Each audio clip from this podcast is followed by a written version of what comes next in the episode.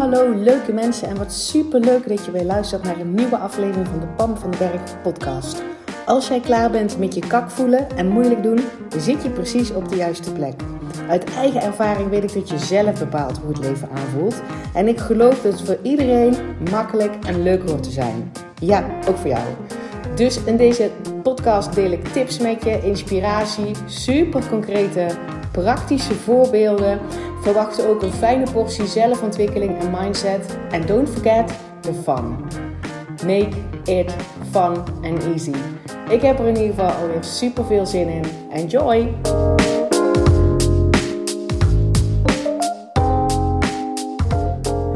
Hey, hallo! Welkom terug. Nou ja, ik ben terug. Welkom bij deze 141ste podcastaflevering van de Pam van den Berg podcast. En in deze podcast wil ik, deel ik met jou de lessen, de inzichten, de aha's, maar vooral de concrete dingen die ik toegepast heb in de afgelopen weken, waarin ik uh, niet online zichtbaar ben geweest. Um, dat heeft nou drie weken geduurd, denk ik. Dus mij is het drie weken. Uh, en ik wist van tevoren niet hoe lang dat ging duren. Als je hier meer info over wil, ik heb ook een podcast opgenomen op het moment dat ik dat besloot. Dus dat is podcast 140. Um, en ik wist toen op dat moment niet hoe lang dat ging duren, dat ermee stoppen. Um, wel heel duidelijk waarom ik ermee ging stoppen. Nou, dat, dat ga ik natuurlijk zo meteen ook nog even herhalen. Waarom ben ik uh, gestopt met online zichtbaar zijn? Dus ik ben gestopt met podcast opnemen. Ik ben gestopt met posts maken. Ik ben gestopt met zichtbaar zijn uh, op Instagram. Um, en ik heb alleen, ik heb ook qua werkdingen. Um, nou ja, heel veel dingen geschrapt. In ieder geval nieuwe ontwikkelingen geschrapt uit mijn agenda. Dus ik ben alleen maar, nou ja, alleen maar, dat is eh, een heel leuk onderdeel van mijn werk, uiteraard, met mijn huidige klanten zeg maar verder gegaan. Um, en men kan me zo voorstellen dat je denkt, hoezo dan? En in die podcast 140, Disconnect to Reconnect, en die titel zegt dat al, hè? Even disconnecten met de wereld om je heen met dingen die een, voor een groot gedeelte je agenda bepalen. Dat is disconnecten om weer te reconnecten ja, met jezelf.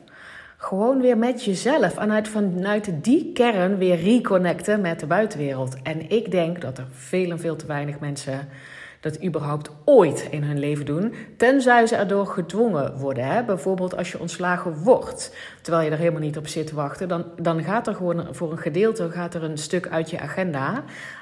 Um, maar goed, dan is het geen bewuste keuze. En dan heb je eerst nog steeds te je daar het voordeel van in te zien. En weer reconnecten met jezelf. Met dat deel van, van jezelf. Waar dan misschien ook in zo'n geval rouw of zo op zit. Hè? Dat je iets mag rouwen. Dat er pijn op zit. Omdat je iets los te laten hebt. Wat je eigenlijk niet los had willen laten. Maar dat is voor je gebeurd. Kan ook in relaties zijn. Hè? Kan ook in een kind gaat het huis uit zijn. Het kan ook in Um, je stopt met een bepaalde business omdat je, um, omdat je niet meer omdat het niet meer bij je klopt. Dus um, wat dan ook, of je het nou zelf besluit of niet, ik denk dat er veel en veel te weinig mensen dit soort dingen regelmatig doen. En, en dat hoeft dus niet op dezelfde manier als ik, hè? Want niet iedereen is online zichtbaar, maar gewoon af en toe eens even disconnecten. Voor een van tevoren onbepaalde tijd. En dat maakte het ook heel erg spannend, kan ik je zeggen. Dat heb ik natuurlijk in die vorige podcast ook genoemd. Eerst even waarom heb ik dit gedaan. Ik ga in deze podcast met je delen het waarom. Um, wat ik tegenkwam terwijl ik daarmee stopte. Hè, want het is een, echt een stukje zelfkennis wat je, wat je aangaat als jij besluit te disconnecten. En um, dus voor een groot gedeelte ook je agenda leeghalen. Dan ga je jezelf ontmoeten. En nog meer dan wat je misschien nu al begrijpt van jezelf. Dus hoe dat voelde um, terwijl ik erin zat en wat heb ik gedaan. En vervolgens ook wel, welke lessen heb ik eruit geleerd om tenslotte met je te delen hoe nu verder. Nou, ik, ik hoop dat ik, um, het is in ieder geval mijn intentie niet om een hele lange podcast voor je op te nemen. Uh, maar ik denk wel dat die heel erg waardevol is om gewoon een in je inkijkje te geven in, in zo'n proces. Want niet iedereen doet dat. Want soms zijn mensen er zelfs bang voor. Of um, Um, en soms wordt het je opgelegd en dan zit je er middenin en dan denk je, wat dan nu? Dus haal hier in ieder geval waarde waarde uit deze podcast. Dat is een besluit. Hè? Besluit dat jij een persoon bent die hoe dan ook uh, waarde haalt voor jezelf, wat jij in jouw leven ten gunste van jezelf kan toepassen, dat je uit deze podcast haalt. Dat is een besluit. Ga met die oren luisteren, weet je wel, met een open hart. En uh, gespitste oren en de verwachting dat het waardevol voor je is, want dan ga je het horen. Oké, en ik bedurf je ook te zeggen dat als je deze podcast over een paar weken terugluistert, of voor mij wat over een jaar terugluistert, dan hoor je weer wat anders. Waarom? Omdat jij jezelf verder ontwikkeld hebt. We blijven niet stilstaan. Ik weet dat sommige mensen dat graag wanhopig graag willen. Ik heb dat de eerste 40 jaar van mijn leven krampachtig gewild. Van laat alsjeblieft die wereld vertragen. Ik hou het niet bij. Um, ik krijg mezelf niet, dat, dat ontwikkeling groeien, wat er helemaal gek van. Ik zou willen dat alles gewoon hetzelfde bleef. Um, maar ja, die kwam niet vanuit een echt een plek van uh, connecten met mezelf. En het is niet de eerste hele 40 jaar van mijn leven zo geweest, maar vaak kan ik me dat herinneren. Dus als eerste, waarom ben ik überhaupt gestopt? Um, met online zichtbaar zijn, hè? podcast opnemen en uh, zichtbaar zijn op Instagram. Uh, dat was omdat ik merkte, en dat was al een tijdje aan de gang, dat ik, was dat ik aan het, de content aan het maken was. Dus de podcast en, um, en stories en posts op, op Instagram. Vanuit een tekortgedachte. Er zat kramp op. Er begon zelfs een beetje moeten op te zitten. Nou, als je mijn podcast al langer luistert, dan vind ik dat wij, uh, ben ik van mening dat er niks is in het leven wat je per se moet, behalve de dingen die je jezelf hebt opgelegd. En daarmee zet je jezelf vast. En kan je niet meer goed voelen wat jouw verlangens zijn. Kan je niet vanuit overvloed leven. Zie je minder kansen en mogelijkheden. Dus overal waar jij moeten op hebt zitten in je leven, uh, heb je jezelf vastgezet. Want je moet helemaal niks. Nou goed, ik merkte dat ik dat aan het doen was. En dat is een oude valkuil, een moeten. Uh, die komt absoluut vanuit tekortgedachten. En daar zit ook heel vaak angst onder. Dus bij mij maar had ik op een gegeven moment door, oh, ik ben aan het posten en een podcast aan het maken. Uh, omdat als ik het niet doe, zat de angst eronder, dan komen er geen nieuwe klanten. Nou, geen nieuwe klanten betekent voor mij als ondernemer geen inkomsten. Um, dus ik was het aan het doen vanuit, ja, vanuit een tekortgedachte. En uh, dat voelt niet fijn. Dan heb ik mezelf vastgezet. Dat is niet um, hoe ik wil leven. Dus toen ik dat eenmaal door had, want ook dat vergt echt een stukje A, bewustwording, maar B, ook jezelf eerlijk in de ogen durven aan te kijken dat dat is wat ik aan het doen was. Nou, toen ik dat eenmaal door had, dan dacht ik, no way, José. Ik heb al een hele tijd geleden besloten dat ik wil leven vanuit de overvloedgedachte. Er is altijd genoeg tijd, er is altijd genoeg geld voor iedereen en niet alleen voor mij. Uh, dus dat is, dat is een manier van kijken um, naar het leven dat er, dat er overal van alles genoeg is voor iedereen. Dus ook voor mij. En dat betekent ook dat als ik een stukje neem, zeg maar, hè, als, ik, als ik bijvoorbeeld tien klanten krijg, wil niet zeggen dat er voor anderen tien minder klanten zijn. Er is voor iedereen evenveel klanten, eh, genoeg huizen, genoeg banen, genoeg geld, genoeg alles. Uh, dat is niet per se uh, gebaseerd op de feiten die je nu zeg maar boven water kan halen. Want de andersom gedachte dat er altijd tekort is en dat het niet eerlijk is en dat het niet, niet genoeg is. En als die ander iets heeft, dan heb jij het niet. Of als ik het heb, dan heeft het ander niet. Dat is ook niet per se waar. Niks is per se waar. Dus het gaat puur en alleen uit keuze van welke um, gedachtenstroom jij wil leven. En ik heb een hele tijd geleden um, besloten dat ik wil leven vanuit uh, de overvloedgedachte. Omdat dat veel relaxter is. Omdat ik dan veel meer kansen en mogelijkheden zie. Omdat ik dan veel enthousiaster ben over het leven. Omdat het dan veel meer is vanuit mezelf de wereld gunnen en anderen de wereld gunnen. En ik geloof dat ik daarmee veel meer bijdraag aan, aan, aan, aan het welzijn van, van de mensheid. Maar ook gewoon het welzijn van onze wereld. Ja, dat klinkt heel erg idealistisch en dat is het ook. And I love it. Oké? Dus dat is de reden waarom ik gestopt ben. Ik gun mezelf dat ik niks meer doe vanuit moeten en dat ik niet leef vanuit tekort. Lukt dat altijd? Nee, dus echt niet.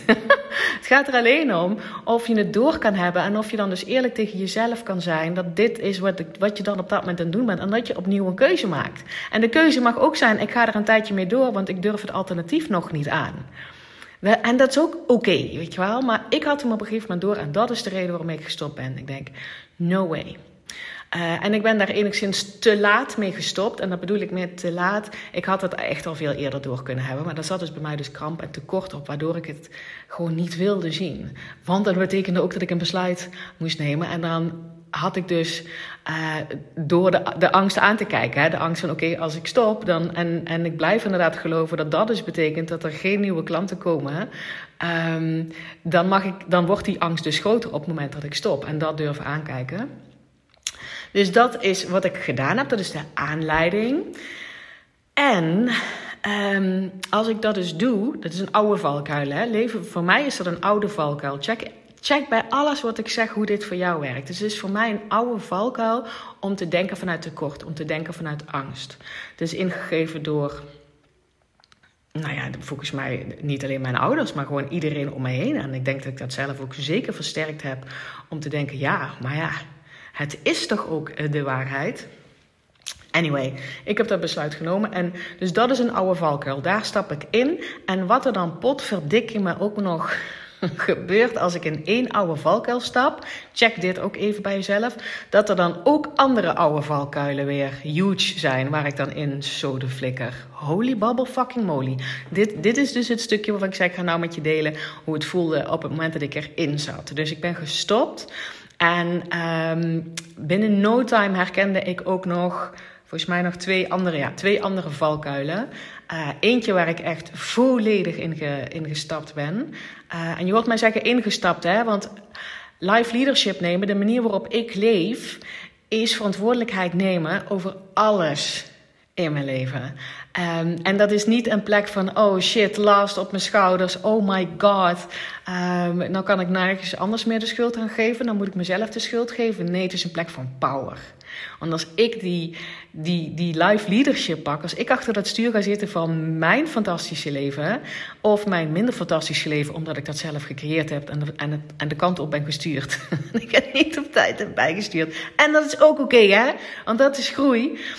Um, dan is dat een plek van power. Dat is dat een plek van kracht. Dat is dat een plek van uh, zelfliefde. Dat, daar wil je zijn. En um, dus wat ik zeg maar op een gegeven moment zag, is dat ik ook in een andere valkuil stapte. Dat is niet iets wat me overkwam. Zo voelde het wel hoor. Het voelde alsof het overkwam. Want ik had echt, het is echt niet het moment dat ik denk: oké, ik heb hier nog wel een oud valkuiltje, daar kan ik ook nog wel even instappen. Ik denk dat het andersom is. Dat mijn lijf, mijn systeem dacht: oh, zit je jezelf toch al vast te draaien in een oude valkuil? De oude valkuil van denken vanuit tekort, angst, kramp, moeten. Dan heb ik ook nog iets anders uh, voor je, wat daar mooi op aansluit. En dat is namelijk de valkuil van self-doubt. Het twijfelen aan mezelf. Um, en die is bij mij zo extreem groot. Niet de valkuil zelf, maar wat mijn lijf en systeem daar nog van weet, is dat die zelf. Uh, de twijfel aan mezelf en, het, en mezelf niet de moeite waard vinden, dat, dat wordt. Um, ja, die is oud. En alle emoties die daarbij kwamen kijken, want ik stapte erin, uh, vond ik heel erg overweldigend. Terwijl ik weet dat ik die emotie zelf aan het creëren ben met hoe ik op dat moment denk over de situatie. En ik was dus um, mezelf, twijfelen aan mezelf. Maar ook zeg maar de oude um, overtuigingen, gedachten van ik ben niet de moeite waard. Uh, waar ik echt al heel veel werk op verricht heb. Maar die dacht, hey, als je toch het neus in de kantlijn zijn, hier heb je nog iets wat je ook nog wel kent. Um, en die voelde echt druk. Dus die combinatie van denken vanuit tekort, angst, kramp. In combinatie met de andere valkuil die ik ook nog even lekker heb meegenomen. Um, is, is, is, was self-doubt en zelfafkeuring. Man, dat was nasty. Echt, het was nasty. ik dacht echt, ik heb het niet goed gedaan om te stoppen. met, uh, met online zichtbaar zijn. En van de andere kant was er dus ook een overgrote eh, stem. Jawel hoor, want je hebt helemaal niks te vertellen. Moet je eens kijken hoe je er zelf nu bij hangt. Als in een soort. Nou, er waren echt zelfs depressieve gevoelens um, bij, waarvan ik wist dat ze oud waren. En toch geloofde ik ze op dat moment in ieder geval sterk genoeg om ze ook echt te voelen en te ervaren. En niks hielp. Er was geen enkele tool of techniek van mezelf waarmee ik eruit kon stappen. Dat was een beetje de situatie. En wat ik dan op een gegeven moment ook nog, dat is dan de derde valkuil. Dus de valkuil 1 waar ik instapte, denken vanuit tekort, angst, kramp, moeten. De tweede, uh, een oude valkuil van mij, self-doubt en, en mezelf afkeuren. Um, en de derde valkuil, maar daar ben ik niet echt ingestapt, daar heb ik eens even naar gezwaaid. Want daar dacht ik, daar hoef ik niet meer in. Dat is de valkuil van jezelf een slachtoffer voelen van dat dit nu gebeurde. Um, want daarmee verlies ik mijn power. En ik heb hem wel gezien. Ik heb hem regelmatig afgelopen weken tegengekomen. Van wow, ik zit ook nog eens een keer, nu as we speak, in een soort slachtoffer van... Oh my god, het komt niet meer goed, ik kan hier helemaal niks mee en het wordt nooit meer beter. En zie je wel, dit is misschien wel wie ik echt ben. En, uh, daar ben ik gelukkig onmiddellijk uitgestapt. Nee, want ik heb die power. Ik ben dit zelf aan het doen. En ik ga erop letten dat ik me niet ook nog eens een keer afkeur over het feit dat ik dit zelf aan het doen ben. Want dat is me toch ook een nasty one. Daar hoor je bijna niemand over, maar die wil ik wel nog even, even met je delen. Dus die drie valkuilen. Yes? Um, waarbij ik bij die laatste, de slachtofferschap, dat zijn echt minuutjes geweest dat ik daarin gestapt ben. En die andere twee, die werden, die werden echt behoorlijk heftig. Um, en daar vond ik dan vervolgens weer wat van, hè? met die zelfdoubt. Zie je wel, je bent niet moeite waard. Nou goed, ik, ik, ik hoop dat ik een beetje uh, open en eerlijk en ook kwetsbaar met je heb kunnen schetsen waar ik mij in mijn uh, afgelopen weken in mijn emotionele toestand vaak heb bevonden. Niet 100% van de tijd, vaak. Uh, niet zo'n fijne plek. Oké, ik lach er nou mee. Omdat ik wel al die tijd wist, dit is wel goed, want ik ben het aan het aankijken.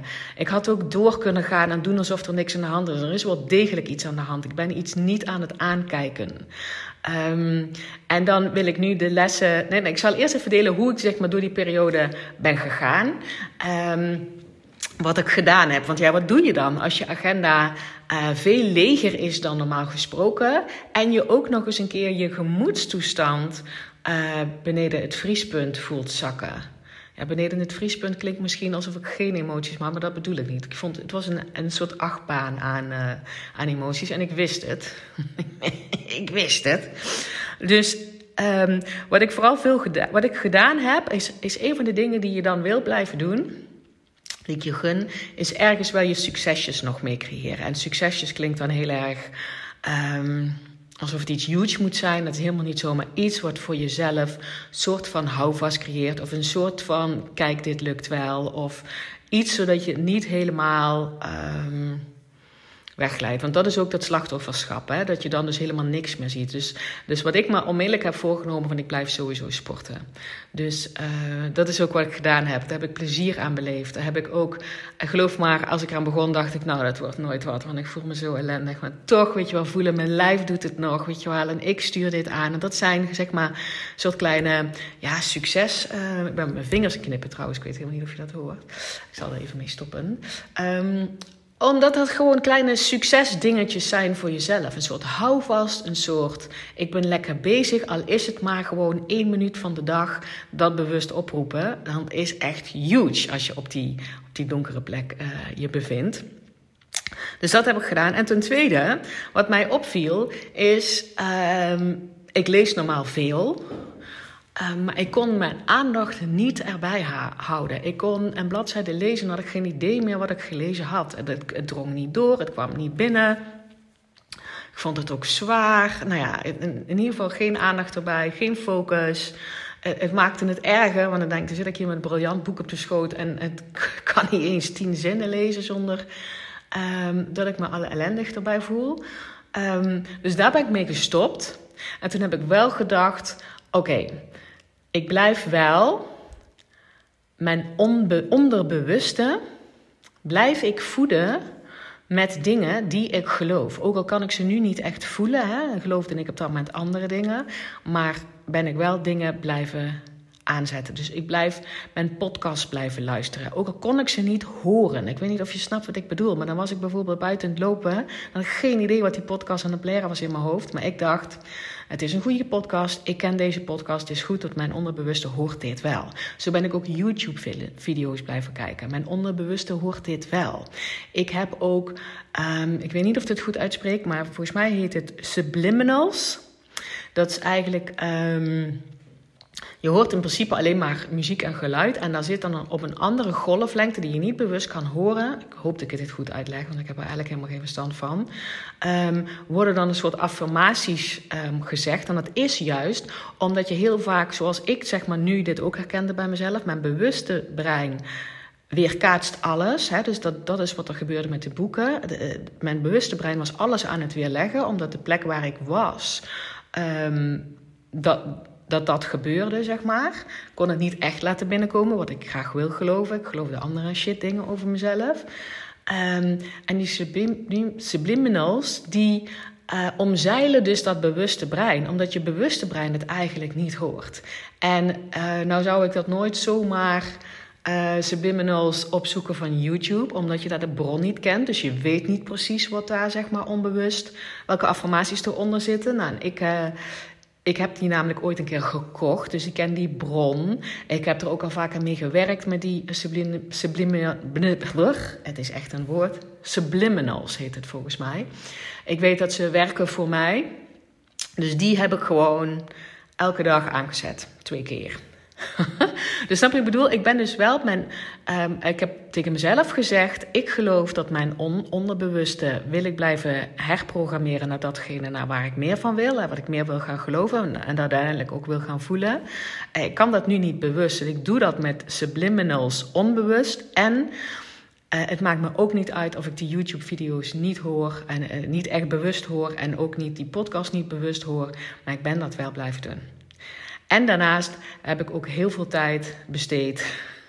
dus naast sporten, wandelen, dingen luisteren, um, heb ik veel tijd besteed aan um, nou ja, Netflix en YouTube kijken.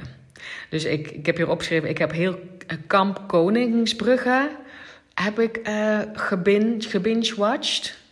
Want dat een hardloopmaatje had. Daar hadden ze het wel vaker over gehad, maar ik snapte dat nooit zo. Want ik heb geen tv-abonnement. Maar goed, dat heb ik dus op een gegeven moment gevonden. En dat vond ik vet interessant. En heb ik naar gekeken. Ik heb heel veel oude video's teruggekeken van Toon Hermans. Omdat ik daar blij van word. Zo ook Elvis Presley bijvoorbeeld.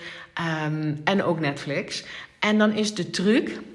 Want ik deed dat uh, om mezelf af te leiden. Omdat mijn bewuste brein met dingen bezig was wat ik wist dat me niet aan het helpen was. Hè? Dus dat waren allemaal gedachten vanuit tekort, angst.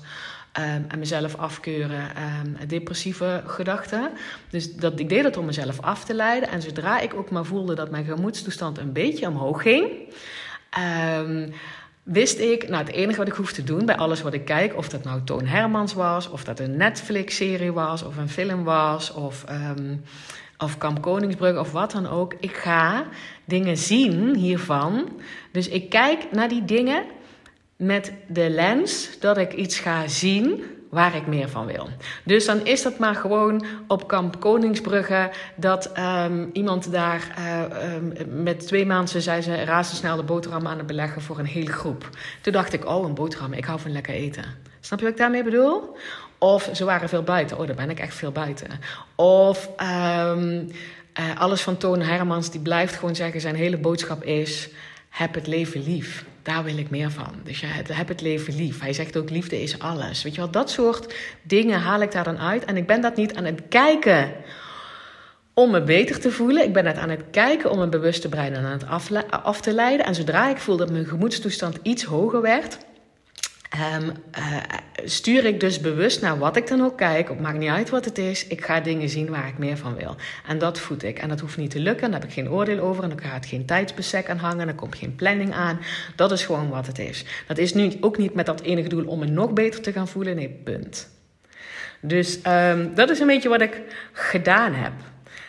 Um, dus vooral het stoppen en het aankijken. Ik weet dat, waarom mensen dat niet willen. Want dan kan er dus dit gebeuren. Dat je jezelf aan te kijken hebt. En dat er dus emoties bij komen. Oude, suffe emoties. in ieder geval in mijn geval, die waarvan ik dacht: oh shit, ik dacht dat ik daar al mee gedeeld had. En boem, daar waren ze weer. Ehm, en dan inderdaad besluiten er doorheen te gaan. En weten, daar, dat is het verschil. Niet, ehm, en dan weten dat juist het stoppen, juist het aankijken mij doet groeien. In plaats van, ik kan ook groeien door maar door, door, door te gaan. Yeah, right. Nou, dat was echt niet meer zo. dat verschil, dat voel je wel. Nou, welke lessen heb ik eruit gehaald? Ten eerste, de eerste les, um, en die heb ik al vaker geleerd, maar wat er dan gebeurt is dat je sommige lessen op een dieper niveau um, leert. Die eerste les die ik geleerd heb is hulp vragen. Ik heb dat al eerder geleerd, dat ik het niet alleen hoef te doen. En het gave wat in deze periode ontstond, was dat ik... Um, ik, ik ben makkelijk in betaalde hulp inschakelen. Dus ik heb uh, een coach in de hand genomen. Daar ben ik nu ook in traject. Uh, stap ik gewoon nou een kort traject in. En misschien verleng ik het wel. Boeien. Um, want ik hoef het niet alleen te doen. En ik ben dus goed in betaalde hulp inschakelen. Um, en wat ik dus nu heb mogen leren, is dat je ook ik mag ook hulp inschakelen terwijl ik er niet voor betaal. Wij bepaalde vriendinnen aangeven: yo, ik weet niet wat er aan de hand is. Ik ben ergens doorheen aan het gaan. Wil je af en toe bij me inchecken? Want het gaat gewoon niet zo goed met me. En dat was voor mij huge. Gewoon huge. Dus hulp vragen waar ik geld voor betaal, denk ik, ja, ik geef jou geld, dus ik krijg iets voor jou terug. Maar aangeven bij mensen um, bij vriendinnen uh, aangeven: You wil je af en toe bij mij inchecken. Uh, ik weet niet waar ik doorheen aan het gaan ben, hè, ik had geen idee. Uh, gewoon daar hulp in vragen. Dat was voor mij echt, echt, echt, echt huge. Want meestal doe ik dat dus pas. Meestal vertel ik daar dus pas over bij, bij vriendinnen. Als ik het helemaal in het snotje heb. Als ik er doorheen gegaan ben. Als ik mijn lessen geleerd heb, zoals nu. Hè. Um, ik zeg niet dat ik het helemaal in het snotje heb. Maar ik, ik snap wel waar dit heen het gaan is. voel me echt mega krachtig omdat ik er doorheen ben gegaan. En meestal is dat het moment dat ik dat ook dan pas tegen vriendinnen ga zeggen. Um, en dat is nu anders gegaan. Omdat ik nu ook andere soort vriendinnen heb. Um, heel interessant. Die, um, ja, die daar oordeelloos naar kunnen kijken. Die daar zelf niet van in de stress schieten. Die daar niet van ondersteboven raken. Die daar niet... ja, die zelf weten hoe groei werkt... Uh, die niet met goed bedoelde, uh, maar helemaal niet helpende adviezen komen, ongevraagde adviezen. Nee, gewoon mensen die luisteren en zeggen: Ja, ik check af en toe bij je in. Goed dat je het deelt. Je doet het hartstikke goed. Dat is, dat is echt een huge les. Dus check even bij jezelf waar jij deze ook nog mag leren. Want ik ben er echt mega, mega, mega dankbaar voor. Er zat bij mij namelijk ook een soort nog een, een oordeel op naar mezelf. Dat als ik die kant van mezelf zou laten zien bij um, deze vriendinnen, gewoon bij iedereen, Um, dus de wat zwakkere kant van mezelf. Mensen kennen mij vaak als energiek en degene die het weet. En, uh, uh, en anders, weet je wel, die, die met wijs, wijsheid of degene waar je zo lekker mee kan lachen of whatever. Als ik dan een, de zwakke versie van mij laat zien, dat mensen dan gillend weg zouden lopen. En wat blijkt, dat mijn vriendinnen, um, ik ben ze echt mega dankbaar, allemaal gezegd hebben de drie waarin ik het mee gedeeld heb.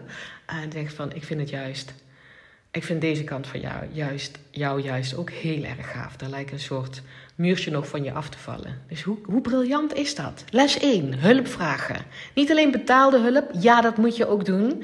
Nee, dat moet je helemaal niet doen. Maar ik bedoel, dat is altijd een optie. Ga nooit, ik ben daar super makkelijk in. Als ik investeren in mezelf, dat is, dat is echt een, een no-brainer voor mij. Uh, en nu was dus ook de les, ik mag ook hulp vragen terwijl ik nog midden erin zit. Ik nog niks in het snotje heb. Ik mijn lessen nog niet geleerd heb. En niet eens een benul heb waar ik überhaupt doorheen het gaan ben. Aan mensen uh, dat te, te, laten zien. Uh, check even bij mezelf in. Ik vond het echt, ik vond het goud. Ten tweede, en die heeft daar wel wat mee te maken, is, is, is het stukje kwetsbaarheid. Want ik vond dat kwetsbaar om um, het te laten zien aan mensen, in dit geval dus uh, mijn vriendinnen, dat het gewoon niet goed met me gaat. Uh, en dan zat dus die oude angst op van oké, dan rennen mensen gillend weg van mij. Dan, dan ben ik op mijn kwetsbaarst. Dan heb ik het hardst nodig. Of in ieder geval, dan zou ik het, het, het fijnst vinden als ze al af en toe bij mij inchecken. En dan ga ik vragen: hey, het gaat niet zo goed met mij. Ik ga ergens doorheen. Ik weet nog niet wat het is. Ik heb het niet in het snotje. Wil je af en toe bij mij inchecken? Met dan het huge risico dat ze zeggen nee. Of ja zeggen en niet doen. Of uh, zeggen, ja, ik heb geen idee waar je het over hebt. Doe eens niet zo, zo, doe eens niet zo gek, gaan we lunchen of zo, weet ik veel. Of... Um, weet je, er eraan voorbij gaan. En dat is echt de ultieme kwetsbaarheid. Dat hetzelfde uh, zeggen dat jij de eerste bent die uh, ik hou van jou tegen iemand zegt. En, terwijl je nog geen idee hebt, en in ieder geval niet zeker weet dat die ander dat ook tegen jou zegt. Ik heb dat nog nooit gezegd tegen iemand, tenzij ik dat zeker wist dat de ander dat ook zei. Dus voor mij is dat ook een huge les. Kwetsbaar. Um, de, de kracht van die kwetsbaarheid. En daar zit natuurlijk op niemand anders kan mij kwetsen. Want dat doe ik zelf. Uh, dus als uh, mensen, uh, de klanten van mij die zeggen van ja, maar die en die heeft mij gekwetst, dan zeg ik yeah, right. Pak alsjeblieft die, die verantwoordelijkheid terug. Wat heeft die en die niet gedaan? Maar dat komt door wat jij denkt over die situatie of over jezelf, wat pijn doet. Het komt niet door wat je moeder gezegd heeft of wie dan ook. alleen, ik, ben, ik was daar wel nog um, vermijdend in. Dat ik dacht, ja, ik, zoiets als ik hou van jou zeggen tegen iemand waarvan je niet zeker weet of die dat dan terug gaat zeggen. Ja, echt heel eerlijk, dat heb ik gewoon nog nooit gedaan. En ik vind het lijkt me nog steeds rete spannend. Maar ik heb wel dus een stuk les geleerd nu hierin. Door tegen vriendinnen te zeggen: Het gaat niet zo goed met mij. Ik ben ergens doorheen aan het gaan. Ik heb geen idee wat. Ik heb het niet in het snotje. Wil je af en toe bij mij inchecken? Ik vond het goud. Ik vond het. Nou, ik vind die les goud, want ik vond het doen van de kut. Zo. Ja, vond ik echt. Oh, boy, oh boy. Um, maar de les is wel goud, toch? Les is goud. René Brown. Brené Brown, dat wil je ook even opzoeken op YouTube. Um, die heeft mij hier enorm bij geholpen. Um, en dan, wat ik ook heb mogen leren, de eerste stap in deze les, overgave. Weet je, als de emotie er al zijn, als je je in je hoofd zo enorm hebt vastgedraaid, wat ik dus nu had gedaan, hè? dus niet alleen maar af en toe iets moeten, niet af en toe iets vanuit tekort doen, maar, maar en vanuit de tekortgedachte naar de wereld kijken, naar mezelf kijken. Um, en, en vanuit die enorme zelfafwijzing, dan, uh, en daar kwam ook nog eens een keer af en toe slachtofferschappen bij kijken, dan heb ik me, ik had me echt behoorlijk vastgedraaid. En um, geen enkele tools van mezelf hielp nog. Dat heb ik echt wel heel vaak toegepast. En op een gegeven moment realiseerde ik me: het heeft geen zin. Het is er al. It's all over. Ik heb het mezelf al laten overnemen. It's all over. En, en je wil dan in de overgave gaan. En dat is de eerste les die ik hierin geleerd heb. Want uh, ik denk dat ik hier nog heel veel lessen in ga leren in, in mijn leven. En daar heb ik nog heel veel tijd voor. Dus thank God. De eerste les is in de overgave stappen. Um, ik denk dat ik dat wel eerder gedaan heb, maar dan was ik al tot het gaatje gegaan en 37.000 miljoen keer over, dat, over die grens heen gegaan, die grens van mezelf heen gaan. En daarna overgave als in opgeven. Als in laat ook allemaal maar, het komt nooit meer goed met mij. Of, of ik kan niet meer. Of, of ze zoeken het allemaal maar uit. Of de handdoek in de ring. Dat is mijn oude manier van opgeven.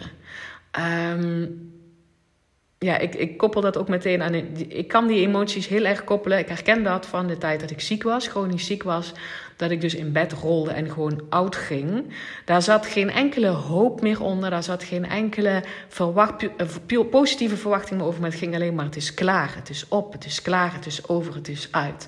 Dus ik kende wel opgeven nadat ik 37 miljoen keer over mijn eigen grens gegaan En dat kende ik wel. En overgave doe je veel en veel eerder. Zoals nu. Ik heb dat veel en veel eerder gedaan. Um, met een positieve verwachting erop. Dat juist doordat je je daaraan overgeeft, dat je het aan gaat kijken, dat het er mag zijn, dat het absoluut niet weg hoeft. Dat je die emoties niet veroordeelt. Um, en dan de positieve verwachting erop dat juist dat je verder gaat brengen. Of je gaat een les leren, uiteindelijk ga ik hier uitkomen, juist doordat ik overgeef. En niet overgeven als in braken, juist dat ik in de overgave stap. Snap je het verschil daarmee? Met opgeven, het is eind van de wereld, ik ben over al mijn grenzen heen gegaan, ik kan niet meer, het is op, het is klaar, het is over, het uit, handdoek in de ring, klaar ermee. En wow, het is er al. Ik heb dit zelf gedaan. Maar ik geef me er aan over. Ik ga het aankijken. Het mag net zo lang duren als het, als het duurt. Dat vond ik de moeilijkste. Het mag net zo lang duren als het duurt. En ik dacht, het kan niet zo heel erg lang duren. Hallo. dacht ik, oh ja, wacht. Pam ging in de overgave.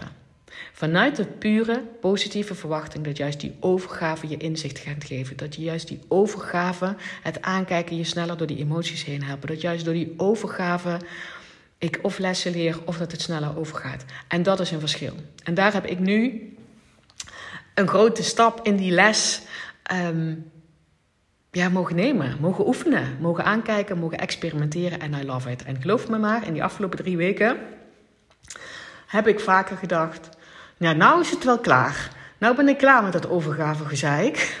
Want het voelt helemaal KIT. En ik ga maar gewoon wel weer dingen doen, want dit is ook niks. En toen dacht ik, wacht eens even. Dat is geen overgave. Dat is willen controleren. Dat is um, er een vaste vorm aan koppelen van hoe lang een overgave duurt. Hallo, dat is geen overgave. Dan heb ik mijn les nog niet geleerd. Oh boy, oh boy. Ik hoop dat je iets kan voorstellen hierbij. Het is echt voor mij een huge stap en een grote les. Yes? En dan tenslotte, waarom ik nu ook weer ehm, mijn telefoon heb opgepakt. Volgens mij is het wel een hele lange podcast. Oh nee, valt mee. Um, is wat me op een gegeven moment duidelijk werd. Daar kreeg ik van verschillende signalen van. Dus van met mensen met wie ik sprak, maar ook uit, um, uit, uit um, oude coachingsdingen van mezelf die ik terug ben gaan luisteren. Zo ben ik ook weer in mijn human design gedoken. Um, want daar heb ik ook wel eens een keer een reading over gehad. En ben daar gewoon zelf ook heel eventjes nog ingedoken. Ik ben echt nul expert hoor. Echt helemaal niet. Ik weet alleen maar iets van mijn eigen um, profiel af. Um, human design af, moet ik zeggen. Dus, um, dus zodra ik me iets beter voelde, ben ik dat pas gaan doen. Hè? Want uh, eerder uh, heb ik dat dus gewoon niet gedaan, want er kwam niks binnen. Uh, en er nam ook een oude coach van mij, en nam contact met mij op. Um, en ik zie dat inderdaad als, zie je wel, dit is wat overgave brengt. Dat ik dingen weer wat helderder zie. Dat er dingen op mijn pad komen die je kan ontvangen. Uh, overgave is in de ontvangstmodus komen. Niks meer forceren en willen controleren, maar diep in de ontvangstmodus. En je kan alleen maar in de ontvangstmodus als je dus die, die positieve verwachtingen erop hebt zitten in plaats van handdoek in de ring zwaait. Hè? Dus in die ontvangstmodus komen, dat betekent dat je weer dingen kan zien en horen en ontvangen. En weet je wel, dat. Um, en daar, daar kwam zeg maar die les die ik zeg maar weer mocht leren. Want ik heb dit al heel vaak gezien. Dat ik heb nog een oude, ik heb een oude angst dat ik mij niet volledig uitspreek. Um, dat ik maar uh, een heel klein gedeelte van wat, wat ik weet, wat mijn levensvisie is, hoe ik over dingen denk, de lessen die ik geleerd heb, mijn eigen ervaringen, daar deel ik echt lang niet alles over. Um, niet omdat ik denk dat ze jou niet kunnen helpen, wel omdat ik denk, geloof ergens nog, is een oude overtuiging, um, dat ik daarmee anderen zich klein doen voelen. Dat als ik in mijn grootsheid ga staan, dat ik daarmee anderen um, klein doe voelen. Dat, dat kan ik helemaal niet doen, dat doet de ander. Ik, I know, ik weet hoe het werkt, maar dat is wel een soort. Dat zit in mijn onderbewustzijn. Toen dacht ik, oh fuck, echt, really? Is die dan nog? Dus ook als ik me altijd goed voel, dan doe ik iemand anders tekort, want die voelt zich daardoor juist rottig. Als ik in mijn grootheid ga staan, er is iemand anders die zich kleiner voelt. En dat komt weer vanuit die tekortgedachte, hè? alsof er niet genoeg grootsheid is, alsof er niet genoeg uh, um, um, liefde in de wereld is, alsof er niet genoeg um, mogelijkheden en kansen voor iedereen zijn, alsof, alsof er niet genoeg mensen zijn die net zo empowerend zijn als ik. Die zijn er, die zijn er genoeg. Iedereen heeft dat. Um, maar dat ik daar invloed op zou hebben voor iemand anders en dat dat dan nadelig zou zijn voor iemand anders. En dat is een on, onbewust patroon, uh, een oude, die ik als kind al, ik denk heel jong ontwikkeld heb. Um, en blijkbaar nog steeds onbewust uh, die handrem zeg maar erop zet bij mij. En daar zit, zit ook in dat ik, uh, het is ook een oude valker, dat ik mezelf, en dat was ik wat, ik met business aan het doen was, en dat was ik met, met mijn online zichtbaarheid aan het doen, zeg maar, tot nu toe. ik was mezelf aan het proberen in een hoekje te stoppen, of in een vakje te stoppen Ehm, en daarmee bedoel ik, um, ik ben een online ondernemer. Ik los dit probleem op voor deze klant en dit is mijn methode. Want dat is namelijk wat je overal hoort in de online wereld. Dat namelijk dat dat kristalhelder moet zijn. Dus daarmee liet ik ook alleen maar dat stukje zien wat past bij Um, mijn teachings in Van Kak naar Hoppaard. Dat is namelijk alles in Van Kak naar Hoppaard zijn voor mensen die hun leven echt best wel goed op orde hebben. Ze voelen zich alleen niet zo. En, en, en daar bleef ik zeg maar op teachen. Terwijl mijn eigen ervaringen zijn veel groter. Zijn veel meer, veel power, nog veel meer powerful dan, dan van Kak naar Hoppaard. Want het is life-changing van Kak naar Hoppaard. Als je die skill for life hebt, dat je zelf bepaalt hoe je je voelt. En dat je voelt dat jij in controle bent met hoe jij je voelt en hoe jij je leven ervaart. Alleen er komt nog veel en veel en veel meer bij kijken. Um, veel meer skills for life. Ik heb veel meer ervaring. Ik heb veel meer verhalen. Ik heb veel meer teachings. Ik heb veel meer valkuilen al ontdekt. Ik heb al veel meer lessen geleerd dan wat ik deelde. Omdat ik niet snapte wat iemand anders daaraan had. Um, en daarmee bedoel ik, doordat ik dat snapte, ging ik het niet delen. En daarmee was ik dus aan het zoeken, zoeken, niet aan het vinden. Ik was aan het zoeken van, wat de fuck, waar is mijn plek? Uh, en wat heb ik dus te delen en wat moet ik gewoon voor me houden? En daarmee was ik mezelf dus niet aan het uitspreken. Want ik sprak alleen maar dat stukje uit wat ik snapte wat in dat hokje paste. En, en daarmee heb ik mezelf enorm tekort gedaan. En niet alleen mezelf, maar vooral ook de mensen die wel zitten te wachten op all the way, op al die teachings, op al die lessen, op al die ervaringen, op al die valkuilen, op, op alle gebieden waar ik um, gewoon door niet alleen levenservaring, want ik geloof dat de grootste leerschool het leven is. Nou, natuurlijk ook gewoon doordat ik um, van nature in staat ben. Nou, weet ik eigenlijk niet of dat van nature doe, maar dat er lang geleden heb aangeleerd. Om dingen aan te kijken om het first te gaan als er shit is. Shit ook in mezelf. Maar ook het first als het spannend is. Of het first als het angstig is. En dat ik daar mijn lessen uit leer. Maar die ik dan vervolgens niet deel. Uh, omdat ik denk, ja, dat past niet in dat hokje waar ik dan in zit. Met van kak naar hoppaard.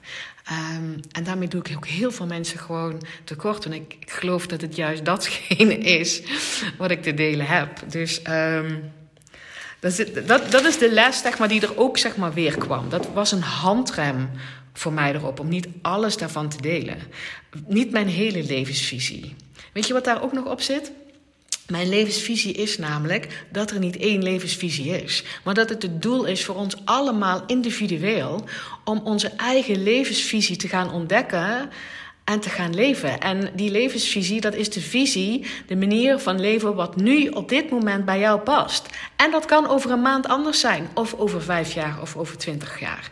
Maar dat ontdekken en dat als een mooi spel zien en het leven liefhebben, zoals Toon Hermans dat dus ook zo mooi zegt, dat is mijn levensvisie. Maar daardoor hield ik me ook klein en ik dacht, ja. Ik kan toch niet mijn levensvisie gaan delen als ik geloof dat die van jou anders is. Maar dat mag ik dus juist, dat mag ik dus juist gaan delen. Laat mij dan maar het, het jankend voorbeeld zijn en het stralend voorbeeld zijn van hoe ik dat ontdek. Om jou aan te zetten dat jij dat gewoon voor jouzelf ook kan ontdekken. En dat het een never-ending game is, als je er tenminste een game van maakt, in plaats van een leidensweg. Um, dat je nieuwsgierig blijft voor, uh, voor het leven, zeg maar. Um, want ik had mezelf dus verteld, ik kan niet delen hoe het voor mij werkt. Want het gaat voor jou niet. Alles wat voor mij precies werkt, nu op dit moment, ah, werkt voor mij volgend jaar waarschijnlijk al niet meer. Want ik verander razendsnel, misschien over een week al niet meer. En dat werkt ook niet één op één voor jou. Maar ik mag wel die totale levensvisie van mij delen en hoe ik in het leven sta en wat ik ontdek en hoe ik constant bijleer en hoe ik nieuwsgierig blijf en hoe ik elke keer die verantwoordelijkheid pak en hoe ik uh, hoe ik ergens doorheen ga, maar ook gewoon hoe ik, hoe ik volle bak geniet van de dingen die nog onbekend zijn. Om jou aan te moedigen en te laten inzien dat dat voor jou ook zo werkt. Dat het totaal anders mag. Dat je nieuwsgierig en open mag blijven staan en jezelf die ontwikkeling mag gunnen. Dus hoe nu verder, is dat ik vanaf nu niks meer achterhoud. Niet meer ga denken, past dit in het hokje voor de, voor de klanten die ik nu heb? Want ik heb hele gave klanten. En er zijn alleen. Uh, ik, ik, ik heb mezelf beperkt als ik alleen maar ga teachen vanuit wat mijn huidige klant nu nodig heeft om die volgende stap te maken. Omdat er veel meer is. En daardoor was ik me klein aan het houden. En dat is voor mijn huidige klanten niet tof als ik me klein hou. En zeker niet voor al die mensen die, ehm, die dat andere stuk zeg maar, van, mij, van mij willen horen. Uh, omdat ze zelf ook al lang weten dat er grootsheid in jou zit en in iedereen zit. Dus dat is wat ik me heb voorgenomen. Ik ga niemand meer overtuigen, ook jij niet, dat er grootsheid in jou zit. Ik ga je niet meer overtuigen. Je hebt in je eigen unieke grootsheid waar de wereld op zit te wachten. En die heb jij niet alleen, die heeft iedereen. Het gaat namelijk niet alleen om, om, dat, om alleen jou, maar juist dat jij gaat inzien. Nou, ik ga je niet meer overtuigen. Wacht, ik had besloten dat ik je niet meer ging overtuigen. Ik ga niemand meer overtuigen van jouw eigen grootsheid. Die heb je, die heb ik, die heb jij, die heeft je buurvrouw, die heeft je moeder, die heeft je kind, die heeft je collega, die heeft je baas, die heeft je buurvrouw. Iedereen heeft die. En als we dat eens A, wat meer in onszelf zouden zien. En B, man, in elkaar zouden zien. Um, en daarnaast die life leadership zouden pakken. Kom op mensen, dan wordt het leven heerlijk dan kan je met die nieuwsgierige blik en die licht, met die lichtheid het leven aankijken. Elke dag opnieuw, elk moment opnieuw, elk jaar opnieuw. Er is niks in het leven wat jij uh, niet alleen maar niet aan zou kunnen, maar waar je niks van kan leren en waar je niet precies op het goede moment bent. En alles, alles, heb het leven lief. Uh, en ik ga dus niemand meer overtuigen van jouw grootsheid. Dan moet je niet bij mij zijn. Als je denkt, ja, misschien en ik wil me alleen maar een beetje beter voelen. Gewoon niet doen. Maar als jij weet, ja, ik snap het. Ik zie grootsheid in mezelf. Maar ik kan dat niet volledig um, de ruimte geven. En ik ben er nu klaar voor. Dan heb je mij. Dan stuur je mij uh, een DM. Dan stuur je mij uh, een berichtje van ik wil met jou samenwerken. en, als je zegt van ik wil daar hulp bij. Ik weet dat het er is, maar ik wil er hulp bij om dat ruimte te geven. En je ziet ook de potentie in alle anderen. Want als je het bij iemand anders kan zien, kan het alleen maar dat jij het ook hebt. Heb ik volgens mij ook wel een keer een podcast in over opgenomen. Als je het even niet bij jezelf ziet, dan zie je het bij een ander. Want je kan het alleen maar bij de ander zien als het bij jou ook zit. En dat versterkt elkaar. Yes? Dus vanaf nu komt er weer wekelijks podcast. Ik ga me ook niet vastleggen over op welke data precies. Uh, daar gaat in ieder geval consistency in zitten. Uh, ook op Instagram ga ik binnenkort weer um, teachen. Het zou best kunnen zijn dat je afhaakt. I don't care. I don't give a fuck. Want als jij nu afhaakt op mijn teachings, omdat je zegt ze is veel te veel all over the places, veel te veel in my face, is veel te veel in um, het mag groter. Uh, en je haakt daarmee af, is dat ook oké. Dan zijn er andere teachers, leraren voor jou. Um, en ik bedoel met groots, groots voor jou. Dat hoeft niemand anders aan de buitenkant aan jou te kunnen zien. Maar het voelt groots voor jou. En als je dat wel aan de buitenkant ook wil laten zien, omdat jij je leven totaal anders in wil richten, is ook goed. Maar er zit geen gradatie in, in iets wat groter is en iets wat kleiner is. Als ik het heb over de grootsheid, dan is het over iets wat groots voelt voor jou. Waar jij voor in de wieg gelegd bent. Wat past bij jouw verlangens, jouw unieke talenten, jouw, ja, die grootsheid van jou waar de wereld op zit te wachten. Daar hoeft de rest van de wereld niet eens iets te zien als jij hem maar gaat voelen en ervaren. Oké? Nou, en dus ga, ga, ik, heb, ik ook besluiten, heb ik al besloten van Kak naar Hoppaard. Ik weet nog niet precies wat ik daarmee ga doen. Op dit moment staat hij niet open. Ik weet niet of ik die open ga houden voor mensen die nog niet die één op één mentoring of die, um, die, wat, um, die coaching van mij willen. Omdat ik nu um, jouw grootheid naar boven ga halen. Geen excuses. Jouw grootheid. Je weet het al en daar alle ruimte geven. Maar stel je voor dat je dat nou niet wil. Je zegt, ja, maar ik wil eigenlijk niks aan mijn leven veranderen... en ik wil me alleen maar beter voelen. Ja, dan is Van Kak naar Hoppaard iets voor jou. Ik ben er alleen nog niet uit of ik dat ga aanbieden. Wel coaching en ik weet nog niet in welke vorm. Dat vind ik dan nog steeds frustrerend... dat ik niet precies weet hoe mijn aanbod eruit gaat zien. Maar als jij coaching van mij wil, mentoring van mij wil... dan stuur je een mailtje... En um, dat gaat invulling krijgen. Dat gaat invulling krijgen, juist omdat ik nu mezelf uit het hokje gehaald heb en ga delen wat ik te delen heb. En ik zeker weet dat juist dan ook uh, mijn grootsheid naar boven komt. Ik me zoveel beter voel. Dat is vet, um, hoe noem je dat? Aantrekkelijk, besmettelijk, uh, die energie. Dan komen voor mij ook gewoon die mensen die daar wel ook echt op aangaan. Dat is mijn pure positieve verwachting weer hierin. En als dat niet het geval is, I don't care, want ik voel me al zoveel beter. Dat is even de laatste les. Het gaat niet om het eindresultaat. Because we never get it done. Weet je nog? We zijn nooit uitgeleerd. Het gaat niet over dat eindresultaat. Pas als ik daar en daar ben, dan voel ik me goed. Het gaat erover dat je nu iets gaat doen, zoals ik dus nu iets ga doen, zodat ik weet, daar voel ik me nu beter bij. Want dat is het echte resultaat. Yes? Oké, laat me weten wat je uit deze podcast gehaald hebt. Ik hoop dat je er minstens drie dingen uitgehaald hebt. Maar als het er één is, dan voel jezelf gewoon the king en the queen. Want dat betekent dat jij er iets uitgehaald hebt waar jij niet meer verder kan. Ik zou het super gaaf vinden als je dat met mij deelt. Zet het op DM of deel de. Um, maak een screenshot van dat je dit aan het luisteren bent. Tag mij, deel het op Instagram, tag mij. Dan zie ik ook wie er, uh, wie er luistert, vind ik super tof. En voor nu heb het leven lief en geloof in je eigen grootsheid. En creëer, ga ontdekken, blijf nieuwsgierig, sta open naar wat werkt er voor jou op dit moment om jouw grootsheid te gaan leven. Oké, fijne dag en uh, tot de volgende podcast. Hey, dankjewel weer voor het luisteren. Mocht je deze aflevering nou waardevol hebben gevonden maak dan even een screenshot en tag mij op Instagram. Zo inspireer je anderen en ik vind het ontzettend leuk om te zien wie er luistert. En als je mij ook nog zou willen helpen om deze podcast groot te maken, laat dan alsjeblieft een korte review achter op iTunes. Je gaat daarvoor naar iTunes, zoek de Pan van de Berg podcast op, scrolt helemaal naar beneden en laat een korte review achter. Hoe meer reviews er zijn, hoe makkelijker de podcast namelijk gevonden wordt en hoe meer mensen ik kan bereiken met mijn boodschap. Ik zou je daar heel erg dankbaar voor zijn. Uh, dus dankjewel alvast en tot de volgende keer.